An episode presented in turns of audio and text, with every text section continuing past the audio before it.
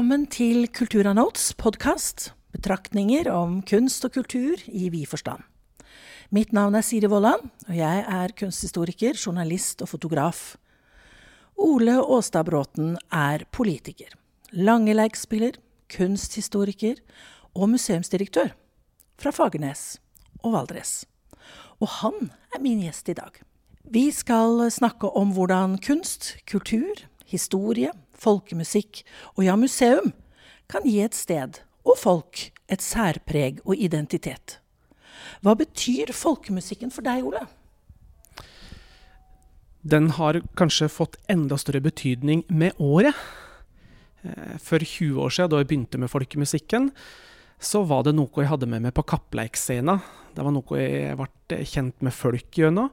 Eh, det handla om å tevle og kanskje vise seg litt fram. Sjølsagt så var jo denne genuine glede over musikken der, den var jo der, og den var stor.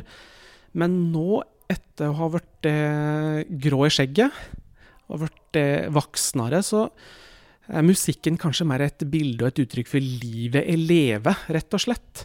Eh, og det handler litt om musikken som jeg spiller. Jeg spiller langeleik. Det er egentlig et uh, musikkinstrument som hører hjemme på kjøkkenbordet. Og det er i det her samværet med ja, enten bror min, som jeg spiller mye sammen med, eller andre. Det er der jeg finner den største musikkopplevelsen. Så det er egentlig ikke lenger på konsertscena eller eh, på kappleikscena. Det er heime hjå i nan, rundt eh, en kaffekopp og ei lita serinakake og eh, en liten klunk på langeleiken. Det er musikken og det sosiale som betyr aller mest for meg nå. Og så elsker jeg å gå på konsert, da. Eh, vi sitter i um, Valdres Folkemuseum. Her har dere kommet med en ny utstilling. Eh, og jeg ser at Langleiken mm. den har også fått plass her. Fortell. Det er jo naturlig med et museum som for det første har ei kjempestor og fin samling med gamle langeleiker. Men vi er jo også i eh, et område i Norge der langeleiken har fått leve eh, eh, lenge. Eh, og også helt fram til vår tid, så det er jo levende, ubrøtne tradisjoner her. Og jeg er jo sjøl en del av den ubrøtne tradisjonen. Jeg fikk lære langeleikspill av onkelen hans far, den gamle onkel Jørgen. Så museet her kjenner på et ansvar for å ta vare på, formidle og føre denne tradisjonen videre. Så det gjør med, med en egen, egen, utstilling et annet sted i dette huset, men også i den utstillinga som du sitter i nå, 'Rotasjon', som den han heter. Litt, eh, jeg kan si litt om navnet rotasjon. Det er noen som lurer på ja, hvorfor heter utstillinga deres rotasjon, og det tenkte vi det er jo en utstilling som handler om tradisjon og impuls på mange måter. Du kan si det er et litt sånn tradisjonelt eh, emne, tradisjonell inngang til folkekulturen. Men vi ser nok på utøverne, enten det er håndverkere eller musikere eller sylvsmeder, som litt mer roterende vesen. Altså, impuls er ikke noe som bare kommer til deg, det er noe som du har vilje til å ta til deg også. Og det gjør du kanskje aller helst når du roterer rundt din egen akse. Så vi ønsker med utstillinga å på en måte anerkjenne og hylle eh, håndverkeren for den vilja som han historisk, og nå også viser til å ta til seg den har lyst til, eh, omforme og endre den kulturen som en sjøl står i, og føre den videre til neste generasjon. Derfor så kaller vi oss sjøl roterende miniature, og derfor så heter utstillinga Rotasjon. Fortell om de flotte draktene. Vi har kanskje, jeg vil påstå det, kanskje landets fineste eh, draktsamling. Eh, jeg tipper det er rundt 3000 enkeltgjenstander med drakter og draktelement. Eh, primært fra Valdres. I tillegg så har vi jo Norsk institutt for bunad og folkedrakt her, som også har ei stor eh, samling med drakthistorisk materiale og sølv fra hele landet og den teller vel et par tusen gjenstander. Så det er klart, for denne utstillinga her, så er det drakthistoriske eh, materialet stort. Så hvis du titter nedover her nå, den drakta du ser nemmeste, det er jo ei brudedrakt i rokokkostil fra Sør-Valdres. Der kom fersen litt tidligere enn ellers i Valdres. Så disse den øverst i Valdres de var litt mer av det gammelmodige slaget, og holdt seg hjemme i renessansetida. Så du ser hun er i bruredrakt helt til høyre der. Hun hører hjemme i eh, klestradisjonen i Nørrevaldress.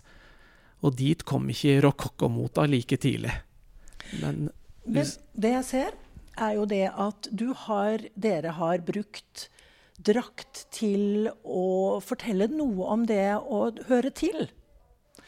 Hvordan man hører til, eller hvordan man ikke hører til. Ja. Fortell om det.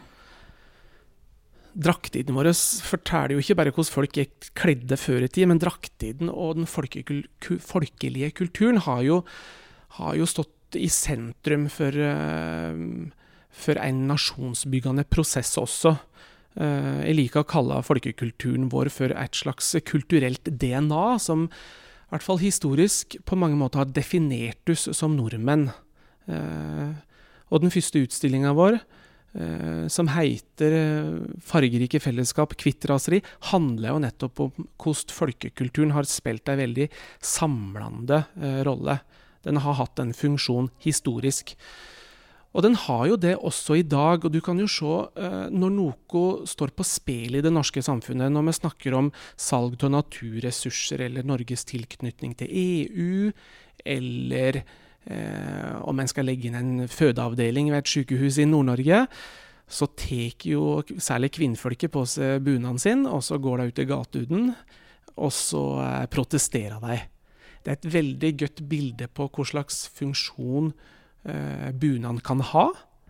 Den representerer en slags verdimessig grunnvoll. Eh, så når noe står på spill, så trekker en fram ofte bunaden. Så slik sett så sier den veldig mye om hvem vi er som nordmenn. Men det som er også interessant, er å se gjennom hele 1900-tallet eh, hvor harde grenser en ofte sett også for hvem som kan ta del i det her norske samfunnet, eh, eller fellesskapet, og hvem som ikke får ta del. Og det er det den utstillinga handler aller mest om. Og det er det som kanskje er litt brutalt også i eh, studiet av folkekulturen, at den har definert en veldig tydelig innenforskap, og så har den også definert en veldig tydelig utenforskap alle de som storsamfunnet har meint ikke får ta del. Det sier noe om en identitet eller et særpreg som, eh, som skal drøftes. Hvordan drøftes det i denne utstillingen, vil du si? Jo, det er jo nettopp ved å gripe inn i alle de eksemplene på alle utenforskapa, eh, ved å trekke fram Shafana Ali som eh, som eh, hadde en kjærlighet til Rogaland, og som hadde lyst til å bruke rogalandsbunaden sin, men som yngste å supplere den med en hijab. Fordi det var meningsfullt for hun. Men da var det jo andre rundt henne som mente at hun tråkka over grenser for hva som hørte hjemme i et kulturelt fellesskap og ikke. Og hun fikk jo masse kritikk for det. Eh, det kom drapstrusler, og mange mente at dette ikke var rett. Så det er et innmari godt eksempel på uh, hvordan bunaden er med å uh, drøfte hvor norsk identitet og norsk kultur skal være, eller ikke kan være. Så er det ofte sånn at det er jo ikke du sjøl som setter merkesteinene for hva du har lov og ikke. Det er andre rundt deg som setter de harde, fæle merkesteinene. Og det ble jo Shafana Ali også et offer for. Så har vi flere sånne eksempler på hvordan bunaden blir aktualisert når en drøfter hvor norsk kultur skal være og ikke. Avslutningsvis i den utstillinga så hadde vi jo eh, har, Du har sett bildet av kong Harald. Det er jo litt flott også at i samfunnet vårt så finnes det noen kanskje litt sånne eh, balanserende midtpunkt som greier, når stormen er som verst, å si at eh, slapp nå litt av. Her, eh, her, kan alle få lov til å ta del og føle seg hjemme. Han ble jo veldig kjent for tala si som en heldig Slottsparken i når var det? 20... Det var i hvert fall det feira 25-årsjubileum som eh, konge, kongepar. Museum i dag, det er ikke lett. En ting er at det er eh, hva skal jeg si, dyrt å drifte og kostbare utstillinger. Men litt sånn for framtidens behov og framtidens eh, nye museumsgjengere. Hvordan er utfordringen her, vil du si? Her i Valdres så er det jo Jeg syns på mange måter vi har vært flinke til å drøfte uh, ulike sider av samfunnet vårt. Lokalsamfunnet. Men så er det hvem er det som drøfter? Uh, og det tror jeg ikke bare er en utfordring for Valdresmuseet, men for mange museum å inkludere mange nok stemmer i den samtalen om hvem vi skal være, og hvor går veien videre. Eh, det handla jo ikke bare om hvem du putter på i monter og tematiserer, men det handla kanskje aller mest om hvem er du inviterer inn i museet ditt. Hvem sitter i styret ditt? Eh, hvem er med i vennelaget? Ja, hvem er ordfører og representerer eierskapen? Eh, hvem er det som kommer på foredragene dine, eller konsertene eller arrangementene dine? Hvem er med i vennelaget? Hvis den gruppa blir veldig eh, ensarta og homogen, ja, men da jobber ikke med for, for, alle og med alle. Og På mange måter så har jeg tenkt at museum vi er på en måte en litt sånn forlenga arm av demokratiets infrastruktur. Intet mindre. Og det skal vi ta på alvor. Men liksom et demokrati, det funker jo ikke hvis ikke alle får ta del i det. Så funker ikke museet heller hvis ikke alle får ta del i det. Så der har vi en vei å gå og gjøre museet til stedet til ditt og stedet mitt. Stedet der alle får lov til å kjenne eierskap. Sånn er det jo med musikken òg. Hva betyr musikken for Valdres, vil du si? Ja, Den betyr mye. Den har jo definert Valdres også. Og Jeg tenker ikke bare på den tradisjonelle musikken, den er jo veldig sterk, den levende folkemusikken. Men det, vært, det er en region som er romslig til å gi plass til veldig mange ulike uttrykk. Og Festivalene her er jo et innmari godt eksempel på det. Du kan jo drukne i festivaler, i hvert fall gjorde du det før. Eh, jeg syns kanskje særlig den klassiske musikken har fått ordentlig fot og fotfeste og røta seg godt oppi her. Og museum har også fått veldig godt samarbeid med festivalene, men også med den klassiske musikken. Så um, musikken og musikklivet betyr masse for folk oppi her. Og så er det litt spennende å se nå hva det gjør med folk når en ikke har den her nære tilgangen, når alt skal skje på uh, digitalt. Jeg tror vi tyster og komme nær innan for å være kroppa i rom og sitte tett og høre på ting sammen. Jeg savner nå veldig det sjøl. Eh, digitalisering er jo vel og bra, det er klart. Men den analoge opplevelsen, tilstedeværelsen, den slår du et slag for? Jeg slår veldig et slag for den. Jeg bruker ofte å sitere min gode venn Knut Olav Åmås. Han hadde ei tale til museet her da museet feira 100 år. Han sa at uh, han savna museum der en kunne få være nær de historiske gjenstandene, eller det historiske dokumentet. Det er jo på samme måte også med musikken.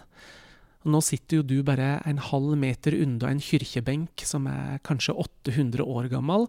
Det er ofte litt sjeldne slike møter, men jeg tror det gjør noe med oss å få kjenne på det nærværet. Noen vil kanskje si det er patetisk å uttrykke seg på den måten, men jeg vil likevel få lov til å si at det er stort å få lov til å kjenne det historiske nærværet så sterkt som en det f.eks. gjør inni dette rommet her eller den slik en opplever det når en får sitte sammen med en musiker. Tett. Du er jo politiker. Hvordan, hvordan preger din kulturarv politikken?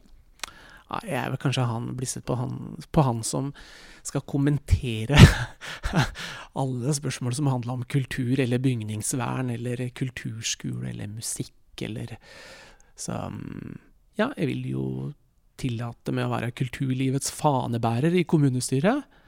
Eh, det er viktig. Eh, en ting er hva en sier sånn politisk, at det er viktig å ta vare på kulturskolen, men så er det jo hva gjør du, da? Sikrer du, du at du har tilstrekkelige ressurser i kulturskolen, eller at du har en musikk... Eh, eh, musikk Hva heter det for noe?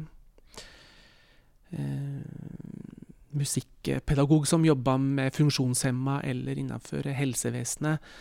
Eller eh, sørger du for at eh, festivalene får gode vilkår og kan bruke kulturhus og andre rom, eh, om ikke gratis, men på gode vilkår?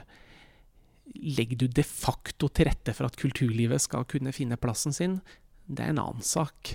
Og det er veldig fort å si at nei, men kultur er ikke lovpålagt, og museum er ikke lovpålagt, og, og helst kaste ballen over på andre. Det er innmari enkelt. Men en lykkes jo aller best hvis en får til gode økonomiske spleiselag. Ser staten at Valdres-samfunnet og kommunen her eh, sputta i kulturlivet sitt, så vil også staten og fylkeskommunen tenke at oi, så flinke de er. Der vil vi også være med. Alle vil jo spille på et vinnerlag, vil da ikke det? Men det fordrer at alle er med. Eh, I disse pandemitider så har vi jo både vært isolert, eh, kulturlivet er stengt ned, og man har måttet være opptatt av de viktige ting først. Og definisjonen av hva som er det viktige, har sånn sett vært helse, mm, forståelig nok. Men nå etter et drøyt år så ser vi jo også konsekvensene av når kulturlivet har vært borte. Har du noen mening om det? Jeg håper i hvert fall at dette her ikke ble ei hvilepute som gjør at det blir vanskelig og tungt for kulturlivet å komme seg opp igjen. At de kompensasjonene de fikk, at det er med å bygge, bygge, en god kulturøkonomi, fordi den er sårbar. Jeg så i Aftenposten for ei ukes tid siden at eh, det ble kommentert at deler av kulturlivet hadde kunne til og med bygges opp kapitaler i, eh, i året som har gått.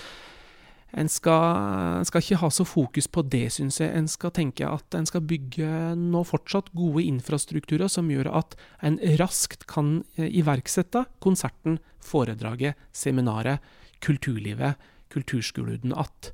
Eh, og ikke tenke at uh, dette her er en måte nå å uh, å saldere på kommunebudsjettet. Tvert imot. Jeg, å, jeg snakker med barn, ungdom og foreldre som er bekymra for ungene sine. For at uh, de kanskje isolerer seg, at de er redde for en sykdom som de ikke helt forstår hva er for noe, og som ikke tør å være sosiale sånn som de var før.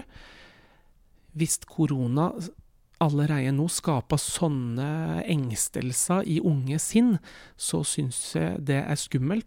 Og da må vi jo i hvert fall sørge for at kulturlivet står klart til å omfavne folk når vi kan eh, komme tilbake. Eh, så det skal vi være litt obs på. Var det politikerne, eller var det museumsmannen som sa det? Nei, kanskje mest politikeren, fordi der har jeg kanskje mest omsorg også for barn, unge, ungdom som kanskje har vært de mest skadelidende i denne tida her. Vi voksne vi tåler et års avbrekk. For vi, har sett gleden i å springe rundt på festivaler i uh, voksenlivet vårt. Men for de som er 10-11-12 år, som kanskje aldri har opplevd det, så, må, det, så må vi nå gjøre dem trygge til å kunne springe ut igjen, sånn et barn skal gjøre. Ut igjen i idretten og i, uh, i kulturlivet. Og glede seg til det. Ikke være engstelig. Hvor lenge skal denne utstillingen stå? Nei, si det. Eh, når en prater om temporærutstillinga, kanskje i Oslo, så prater en om tre måneder. Her snakker vi om tre år. så pulsen er litt annerledes eh, på bygda enn i byen. Men um, blir nok stående noen år. Du hadde en kollega som kom inn og fortalte at hun hadde tenkt å Eller hadde i hvert fall et forslag om å lage danseforestilling. Ja. Så det er mange muligheter. Masse. Jeg syns altså Lokalet her, som Snøhetta tegna, de er jo egna til veldig mye. Jeg har invitert ordførerne inn hit å møte her. Jeg har foreslått at vi kan ha generalforsamling nedover her. Eh, der i portalen der så har jeg foreslått at det er jo et fint podium for en konsert. Og her som du sitter nå, så er det jo fint å ta seg en sving om oss, og her kan det skje ganske mye. Så Planene er klare. Vi skal på en liten rundtur. Du skal få lov å fortelle meg litt eh, bak eh, Du sitter med noen muskedudre og noen færaskrin. Mm -hmm. Kan ikke du fortelle hvor de kommer fra? Disse reisekistudene de kommer fra hele Valdres, minus ei kiste omtrent midt på, ser du, rett fram her. Den skal visstnok være måla i Hallingdal. Men vi er jo romslige og rause her i Valdres, som jeg sier til hallingene at greit, det kan få være med utstillinga vår.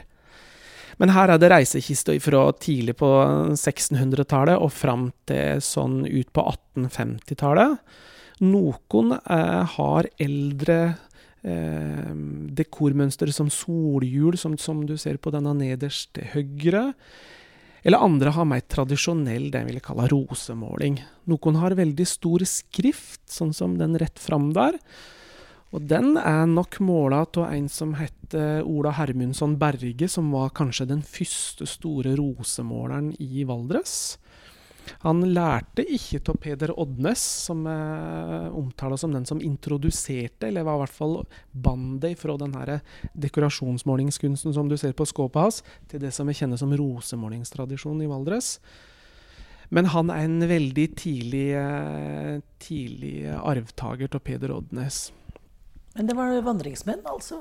Ja, Reisekistuden ble jo brukt på Reisuden til Drammen, til Kristiania og andre steder som de reiste på handel for å ha med seg lokale varer, og for å kjøpe med seg hjem igjen det som en ikke fikk eh, kjøpt her i Valdres. Så Reisekistuden har vært helt sentrale for å bringe verden tilbake til Valdres. Og så ser du denne flotte sleden som eh, denne staskaren sitter i, med bjødna pels, og så har han en kjøregutt som står bakpå meiaden. De er jo på tur nedover Fjordadden vinterstid, og skal kanskje til Kristiania eller til Drammen. Kanskje hadde de med seg noen godsaker hjem igjen til kjerringene sine. Her ser du et uh, flott gevær. Hvis du ser dette her som er måla med blått, så skal det ha tilhørt en som heter Martinius Haugen. Han var født i 1822 og kom fra Vølbu, det er i Østre Slidre. Og han skal ha skutt i seks bjødner og 30 elger. Helt tak i denne utstillinga romma jo gjenstander tilbake helt fra ja, si 1200-1300-tallet og fram til 1890-tallet, så det er et stort spenn. Noen ville kanskje si at eh, hvorfor har du ikke samtida inne her? Men eh, samtida den forholder seg jo til dette som er her. Vi snakka jo om identitet i stad. Så vår identitet, som vi diskuterer i dag, den er jo i aller høyeste grad Den forholder seg jo til det som du ser rundt deg her. Så jeg vil si at samtida er med oss hele tida. Staten eh, gjennom departement, de jo, eh, skal jo utforme politikk og sette i gang en del politiske tiltak. Som, og de har mange mål. Hvordan påvirker det museet ditt? Asmø er jo en del av Kulturdepartementet, og vi forholder oss jo til mm, de måla som, eh, som, staten har uh, satt på våre områder. På ei anna side så er vi jo ikke bare museum, vi forholder oss til samfunnet rundt oss på ganske mange måter. Enten det er utdanningspolitikk, eller det er kulturminnepolitikk, ikke minst det siste. Eh, forskningspolitikk, eh, kulturpolitikk i det hele og breie. Eh, men også spørsmål omkring samferdsel, eh, sikring, sikkerhet. Eh, det er ganske, ganske mange sektorer og områder i samfunnet som museet direkte og indirekte er berørt av, og som, en, som museum også burde engasjere seg i. Av og til opplever jeg at når vi adressere et behov overfor myndighetene, eller si at vi kan bidra overfor myndighetene, så vil løfte myndighetene at ja, men dette ligger ikke inne i Kulturdepartementets portefølje, du hører jo hjemme der, i Kulturdepartementet, så dette er ikke på måte, ligger ikke på bordet, og ansvaret dikkes. Da vil jeg tenke egentlig helt motsatt. Jeg vil tenke at hvis, eh, hvis staten har eh, ambisjoner på kulturminnefeltets vegne, ja, men så er det samme om museet ligger i Kulturdepartementet. Museet er et kjempeviktig verktøy for å nå noen viktige eh, kulturminnepolitiske mål. Ja, men da må en bruke museet. Nå kom det en ny kulturminnemiljømelding. Hvordan skal en nå alle de målene som staten setter opp? Ja, Du kan ikke bare adressere det til til, til, alle andre miljø enn museer. Museet er kanskje det viktigste kompetansen og verktøyet for å nå gode kulturminnemål. Her i Oppland så har vi jo i ti år hatt en bygningsvernrådgiverordning. Den jobber opp mot uh, private huseiere, og det er jo da vel ingenting som er en bedre måte å nå nasjonale kulturminnemål på enn å ruste private huseiere til å kunne ta vare på bygningsarven sin. Men det er altså museet som rigger den ordningen. Rundt omkring på alle museer i Oppland så har en den fantastiske ordningen. Og dermed så er Mø som museum med å nå viktige kulturminnemiljø, kulturarvsmål. Et kjempegodt eksempel på hvordan museet kan bidra også på det feltet. Eh, på utdanningssida Mø jobber primært ikke med utdanning, men vi blir jo ikke et innmari godt museum hvis ikke Mø er med å ta vare på eh, tradisjonelle håndverk eller ulike spesialiserte fagdisipliner. Ja, men sjølsagt så må jeg være med å mene noe om hvordan morgendagens utdanningsløp skal være. Eh, innenfor tradisjonshåndverka, innenfor musikklivet. Eh, ja, her går det ei som eh, produserer bunader, og som titter på utstillinga vår. Det fins jo knapt nok et utdanningsløp for de som vil eh, bli bunadprodusenter og tilvirke bunader i Norge. Samme er det med instrumenthåndverket. Vi har et museum som har et bankende hjerte for mus eh, musikkinstrumenter. Vi kan jo ikke bare sitte og ta vare på musikkinstrument, men vi bør jo kjenne på at vi også er med og tar ansvaret for at det er håndverket og den yrkesgruppa får leve videre ikke bare nå i noen år, men om 50 år også, så er utdanningspolitikk kjempeviktig også for oss. Så vi må tenke litt mer sånn tverrsektorielt, og museet må på en måte tvinge seg litt fram på de områdene som en kanskje tradisjonelt ikke har, eh, har tatt plass. Det, det er opptatt av. Jeg tror Valdresmuseet er med og går fram som et eksempel på at det er mulig, og det, og det bør vi gjøre. Kan du synge et sted? Måtte du stille med det spørsmålet? Ja. OK, jeg kan ta et lite et på sparket, da. Eh. Nå har jeg ete og i meg stappa, slik at det spruta med vesteknappa. Jeg rent og svette og kan ikke gå, slik mat er jaddi med mor å få. Vi har jo akkurat ete, ham, ikke Ja, det? var fint. Dette var et eh, Arne Morslåtten, eh, låtskriver, tekstskriver i Hellbillies. Ikke, ikke verst. Kan du en lokk? Ja, hvordan skal jeg lokke på da? Geit eller kyr? Ja, ta hva du vil. Nei, det kan jeg ikke. Da må jeg ha noe krøtere rundt meg. Ku. Ikke langt unna. Nei, men jeg var jo med bestemoderen på Stølen da jeg var liten, så jeg fikk jo virkelig oppleve hvordan hun, lokka på kyrne sine. Hvordan hun prata med deg. Fascinerende, det. Det var veldig fint å høre på. Nesten musikk. Tusen takk, Ole. I like måte.